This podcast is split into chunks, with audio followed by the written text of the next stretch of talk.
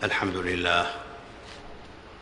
الحمد لله ليس لفضله منتهى. الرحمن على العرش استوى. له ما في السماوات وما في الأرض وما بينهما وما تحت الثرى. وإن تجهر بالقول فإنه يعلم السر وأخفى. الله لا إله إلا هو. له الأسماء الحسنى.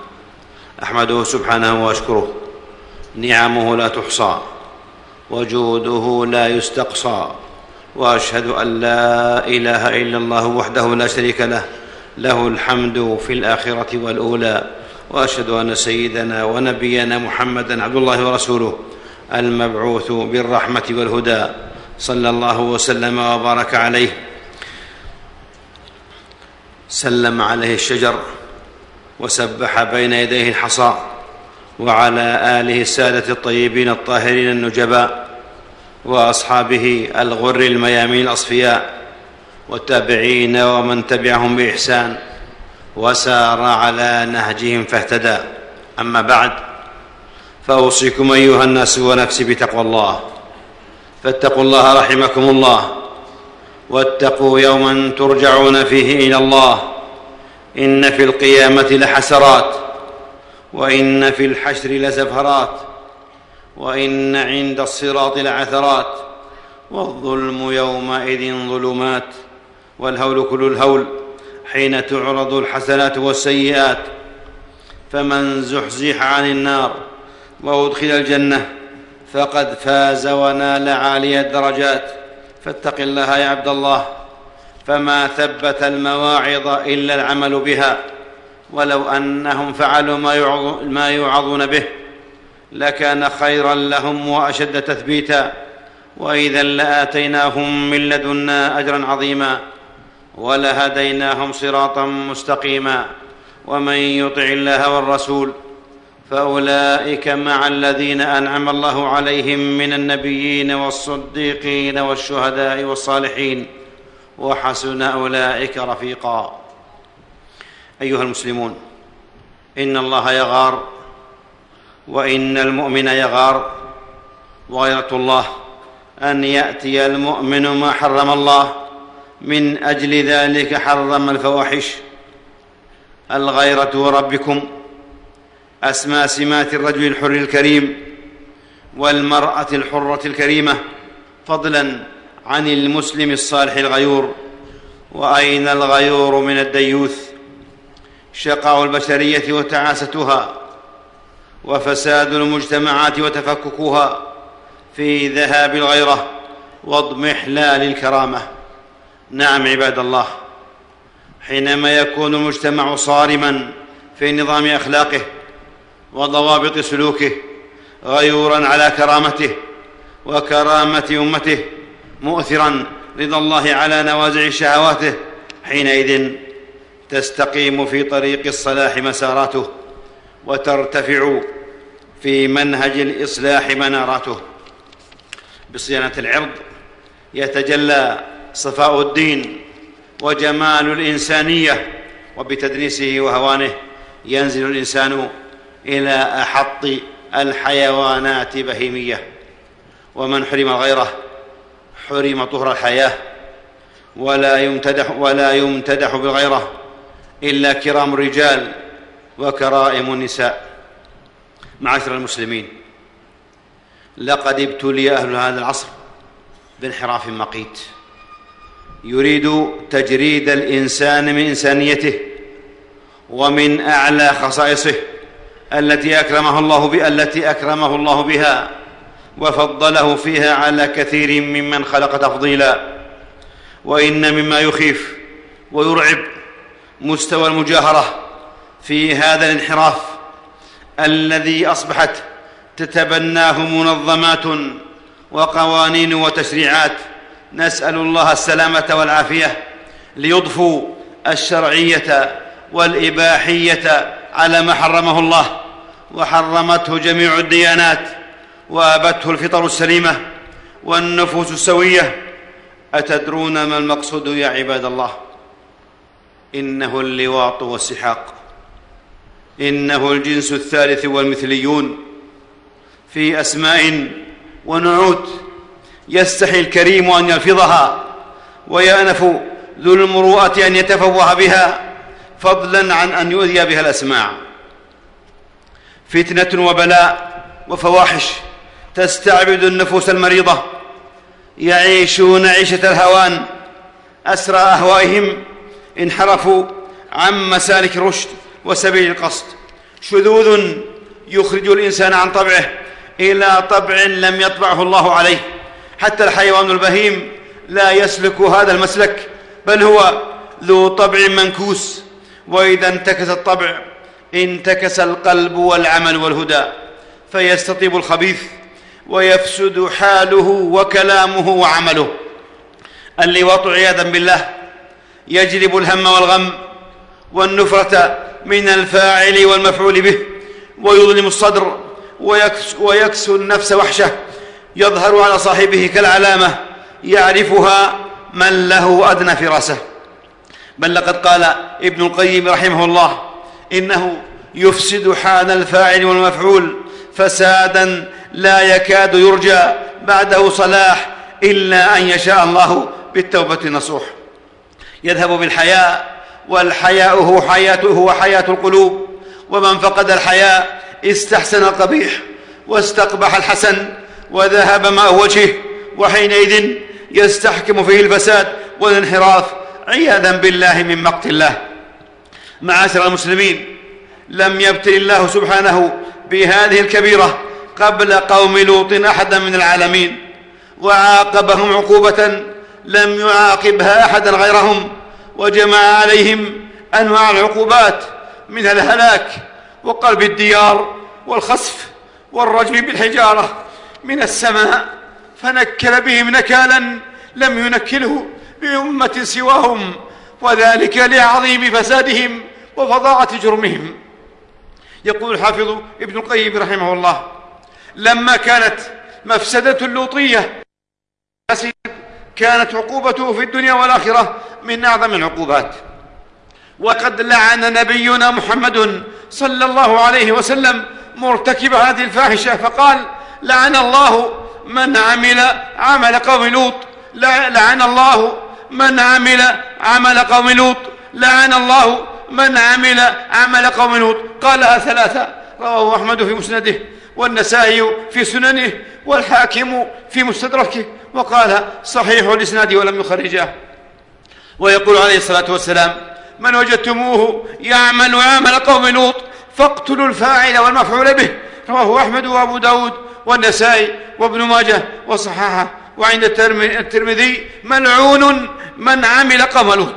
رواه ابن حبان وغيره. وإسناده على شرط البخاري. معاشر الأحبة.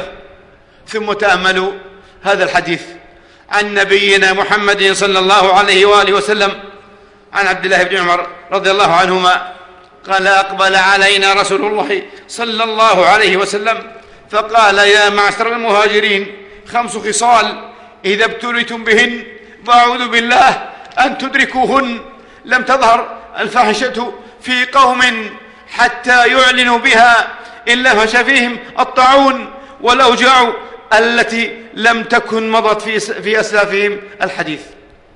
ثم انظروا ما تقوله الإحصاءات العالمية. تقول إن معدلات انتشار انتشار مرض نقص المناعه الإيدز تظهر في المخنثين من الرجال والمسترجلات من النساء بنسبة تزيد على عشرين مرة عن غيرهم. كما ذكرت المنظمة ظهور أوبئة جديدة من هؤلاء الشواذ اللوطيين والسحاقيات في مناطق عديدة من العالم كما تتراوح الإصابة فيما بين هؤلاء المخنثين والمسترجلات إلى نسب تصل إلى ثمان وستين في المئة. ومن الأمراض التي يبتلى بها هؤلاء الشذاذ الوباء الكبدي ومرض متلازمة أمعاء الشواذ والحمى المضخمة للخلايا مع أمراض عصبية واضطرابات نفسية وقلق واكتئاب وشعور بالنقص قد يقود إلى القتل والانتحار عياذا بالله. أما قول نبينا محمد صلى الله عليه وآله وسلم حتى يعلنوا بها فإن الأمر مخيف. نعم إن مما يخيف ويرعب مستوى المجاهرة الذي أصبحت تتبناه منظمات وقوانين وتشريعات نسأل الله السلامة والعافية ليضفوا الشرعية والإباحية على ما حرم الله وحرمته جميع الديانات وابته الفطر السليمة والكرامات العليا في خروج صارخ على تعاليم الشرع المطهر والأخلاق الرفيعة والفضائل العليا والقيم السامية. قال بعض العلم إن الجرأة على الفواحش تجرئ على قاطعة الرحم وعقوق الوالدين وكسب الحرام وظلم, وظلم الخلق وإضاعة المال والأهل والعيال. هذه الحرية تعني المجاهرة والمفاخرة والتباهي عياذا بالله بالأفعال الشاذة والمنحرفة والمحرمة.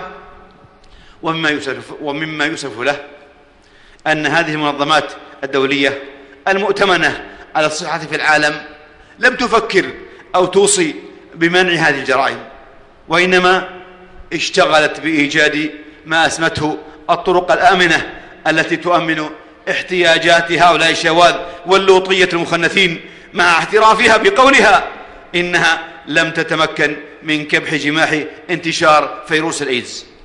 أي انتكاسة أعظم ممن يدعي أنه يحافظ على حقوق الإنسان وهو يحوله إلى بهيمة أو أحط من البهيمة فليس في البهائم من يعلو فيها الذكر على الذكر أو الأنثى على الأنثى. أي حماية لهؤلاء الشواذ؟ بل أي حقوق لمن ينتهك حرمات الله ويقتل العفة وينحر الفضيلة؟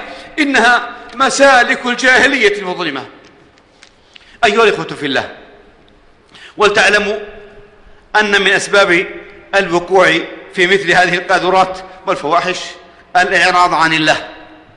من عرف ربه وأقبل عليه جمع عليه قلبه وانتظم أمره وانتظم أمره وطابت نفسه واستقامت فطرته وصلح أمره. ومن أسباب الوقوع والانحراف الفراغ. يقول ابن عقيل رحمه الله وما تكون هذه الفواحش إلا لأرعن بطال وقل أن يكون في شغل من عبادة أو صناعة أو تجارة. وقال حكيم هو سوء اختيار صادف نفسا فارغة وأعظم الفراغ فراغ القلب من محبة الله وخشيته ولذة القرب, ولذة القرب منه وحسن عبادته. والنفس لا تقعد فارغة فمن لم يشغلها بما ينفع شغلته بما يضر. ومن أسباب الانحراف وسائل الإعلام المنحرفة فلها تأثيرها البالغ في جر, في جر الناس والنفوس إلى الهاوية في صورها وكلماتها وانفعالاتها وقصصها ومسلسلاتها مما يبعد عن الحياء والحشمة والوقار والعفة والغيرة والمروءة. ويذكر في ذلك بعض الكتابات والمقالات المنحرفة والروايات الساقطة وسير المنحرفين والشاذين وما يسمونه بمغامراتهم العاطفية ومراهقاتهم الشانئة لا بد من الرقابة الصارمة على هذا الإعلام المنحرف وعدم التهاون في بث ما يروج له أو يهون موقعه من القصص الخليعة أو التمثيليات الساقطة والروايات الإباحية والشذوذ المنقوت الممقوت. نسأل الله الحماية والعافية. ومن أسباب الانحراف التهتك والتبرج والسفور وما يدعو إليه من إطلاق البصر والنظر بريد الفواحش وهو سهم من سهام إبليس والحشمة والستر لا يبعثها إلا دين الخلق والستر والاحتشام منسجم مع الغيرة والعري والتهتك منسجم مع الشهوة فالغيرة تبعث على الحجاب والشهوة تبعث على السفور بل لقد ضحوا بالغيرة من أجل المتعة أخرجوهن كاسيات عاريات في مقابل أن تنازلوا عن غيرتهم على أزواجهم وبناتهم وأخواتهم. ومن أسباب الانحراف سوء, سوء استخدام أدوات التواصل من الهواتف والشبكات والمواقع وما يجره ذلك من سوء القول والعمل مما يوقع في سوء العواقب وسوء الفعال. وبعد عباد الله فإن من ضعفت غيرته على دينه ضعفت غيرته على عرضه لا محالة. وقد قالوا وبئس ما قالوا إن الحجاب والحشمة والمحافظة هي التي تدعو إلى الكبت والحرمان. وقد كشفوا كل شيء وأباحوا كل شيء وما زادهم ذلك إلا سعارا وجنونا في الجري وراء الشهوات وإشباع الغرائز بالحرام فأحلوا ما حرم الله وحرموا ما أحل الله حتى كادوا أن يقولوا لأهل العفة والحشمة والكرامة أخرجوهم من قريتكم إنهم أناس يتطهرون. أعوذ بالله من الشيطان الرجيم. ولوطا إذ قال لقومه إنكم, إنكم لتأتون الفحشة ما سبقكم بها من أحد من العالمين. أئنكم لتأتون الرجال وتقطعون السبيل وتأتون في ناديكم المنكر. فما كان جواب قومه إلا أن قالوا ائتنا بعذاب الله إن كنت من الصادقين. قال رب انصرني على القوم المفسدين. نفعني الله وإياكم بالقرآن العظيم وبهدي محمد صلى الله عليه وسلم وأقول قولي هذا وأستغفر الله لي ولكم ولسائر المسلمين من كل ذنب وخطيئة فاستغفروه إنه هو الغفور الرحيم.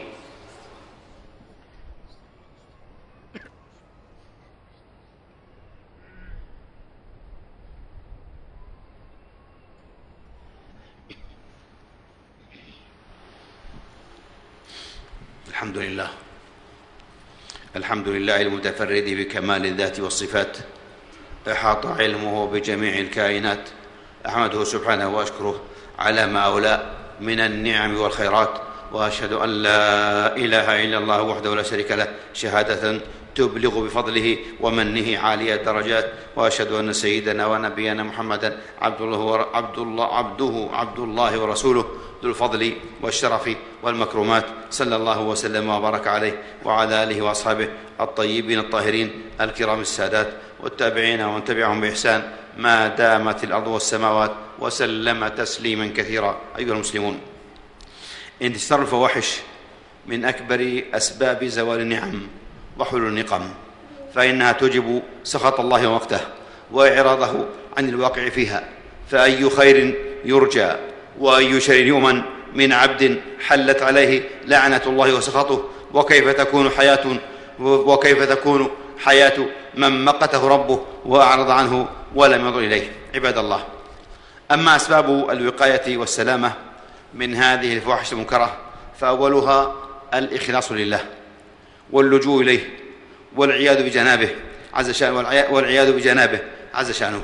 وقد قال الله في نبيه يوسف عليه السلام كذلك لنصرف عنه السوء والفحشاء إنه من عبادنا المخلصين. يقول شيخ الإسلام ابن تيمية رحمه الله إن العبد إذا ذاق طعم الإخلاص لم يكن عنده شيء قط أحلى من ذلك ولا ألذ ولا أمتع ولا أطيب. فالله يصرف عن عبده ما يسوءه من الميل إلى هذه الفواحش وأصحابها والتعلق بها بإخلاصه لربه. ومن ذلك غض البصر فغض البصر يورث الراحة والطمأنينة. يقول عز شأنه قل للمؤمنين يغضوا من أبصارهم ويحفظوا فروجهم ذلك أزكى لهم. فجعل غض البصر وحفظ الفرج أقوى تزكية النفوس وزكاء النفوس يتضمن زوال جميع الشرور من الفواحش والظلم والشرك والكذب وغيرها. يقول بعض السلف ما غض أحد بصره عما حرم الله إلا أوجد الله نورا في قلبه يجد حلاوة ذلك.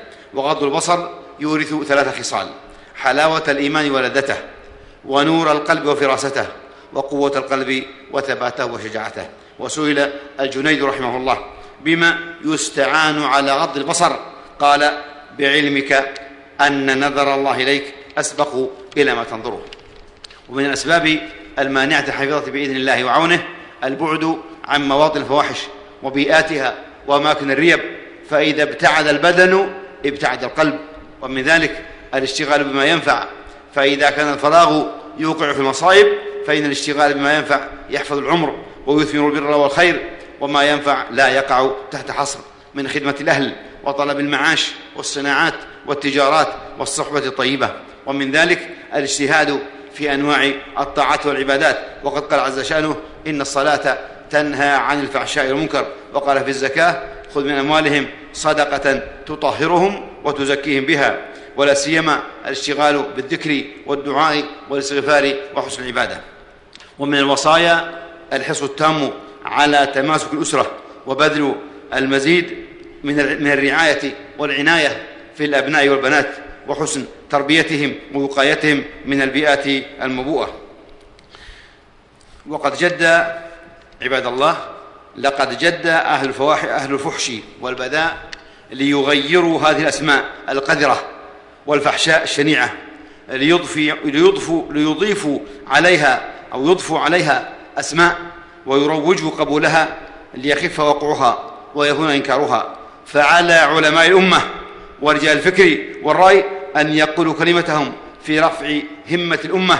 إن أمتنا بأمس الحاجة إلى الأقلام الجادة والمقالات الصادقة والأفكار المخلصة وإلى الهمم العالية والعزائم القوية والقول المستنير. والله المستعان وعليه التكلان أيها الأحبة وإما وإن من التحدث بنعم الله ومما يسر أهل هذه البلاد بلاد الحرمين الشريفين المملكة العربية السعودية ويسر قاصديهما من الحجاج والعمال والزوار وعموم أهل الإسلام ما تنعم به هذه البلاد.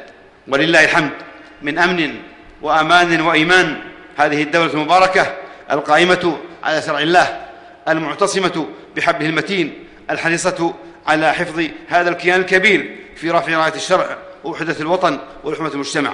كيف؟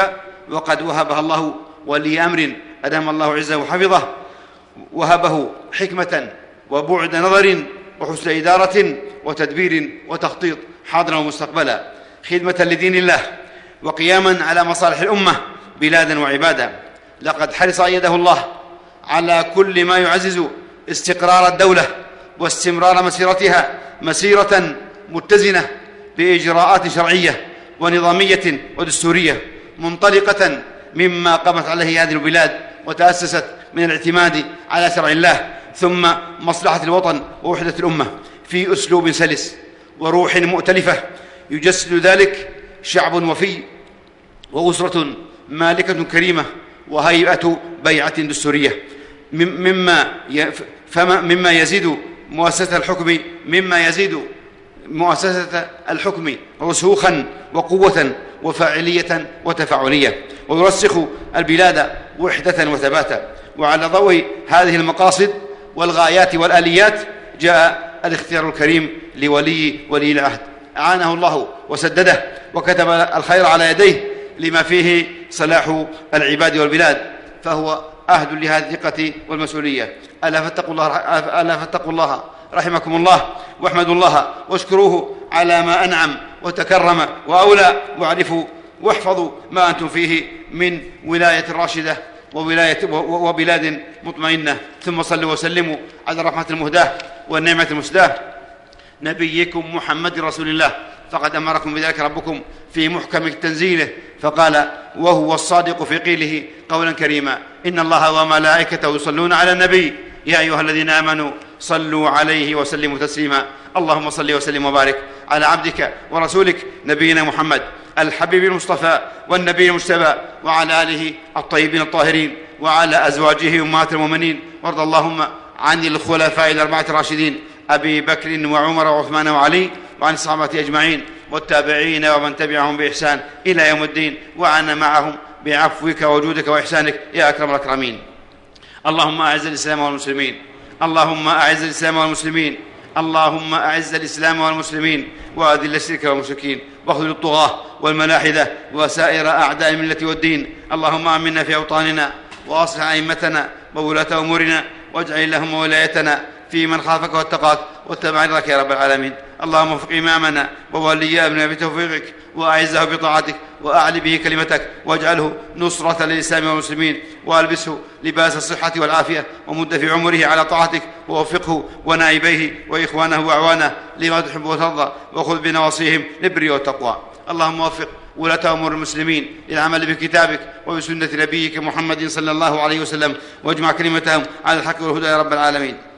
اللهم أصلح أحوال المسلمين واحقن دماءهم وول عليهم خيارهم واجمع على الحق والهدى والسنة كلمتهم وانصرهم على عدوك وعدوهم. اللهم من أرادنا وأراد ديننا وديارنا وأمننا وأمتنا وولاة أمرنا وعلماءنا وأهل الفضل والصلاح والاحتساب منا ووحدتنا واجتماع كلمتنا بسوء اللهم فأرشله بنفسه واجعل كيده في نحره واجعل تدبيره تدميرا عليه يا رب العالمين. اللهم وأبرم لأمة الإسلام الرشد يعز فيه أهل الطاعة ويهدى فيه أهل المعصية ويمر فيه بالمعروف وينهى فيه عن المنكر. إنك على كل شيء قدير.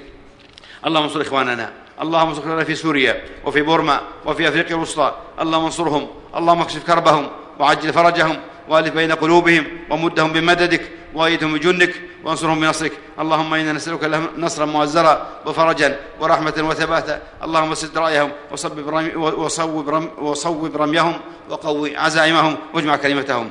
اللهم عليك بالطغاة الظالمين ومن شيعهم ومن أعانهم. اللهم افرق جمعهم وشتت شملهم ومزقهم كل ممزق. اللهم واجعل تدميرهم في تدبيرهم. اللهم عليك باليهود. اللهم عليك باليهود الغاصبين المحتلين. فإنهم لا يعجزونك اللهم وأنزل بهم بأسك. الذي لا يرد عن القوم المجرمين. اللهم إنا ندرأ بك في نحورهم ونعوذ بك من شرورهم. اللهم إنا نسألك فواتح الخير وخواتمه وجوامعه وأوله وآخره وظاهره وباطنه ونسألك الدرجات العلى من الجنة. اللهم أصلح لنا ديننا الذي هو عصمة أمرنا. وأصلح لنا دنيانا التي فيها معاشنا. وأصلح لنا آخرتنا التي إليها معادنا. واجعل الحياة زيادة لنا في كل خير. والموت راحة لنا من كل شر وأحسن عاقبتنا في الأمور كلها وأجرنا من خزي الدنيا وعذاب الآخرة. اللهم اجعل خير أعمالنا أواخرها وخير أيامنا وخير وخير أعمالنا خواتمها وخير أيامنا يوم, يوم أن نلقاك. ربنا ظلمنا أنفسنا وإن لم تغفر لنا وترحمنا لنكونن من الخاسرين. ربنا آتنا في الدنيا حسنة وفي الآخرة حسنة. وقنا عذاب النار.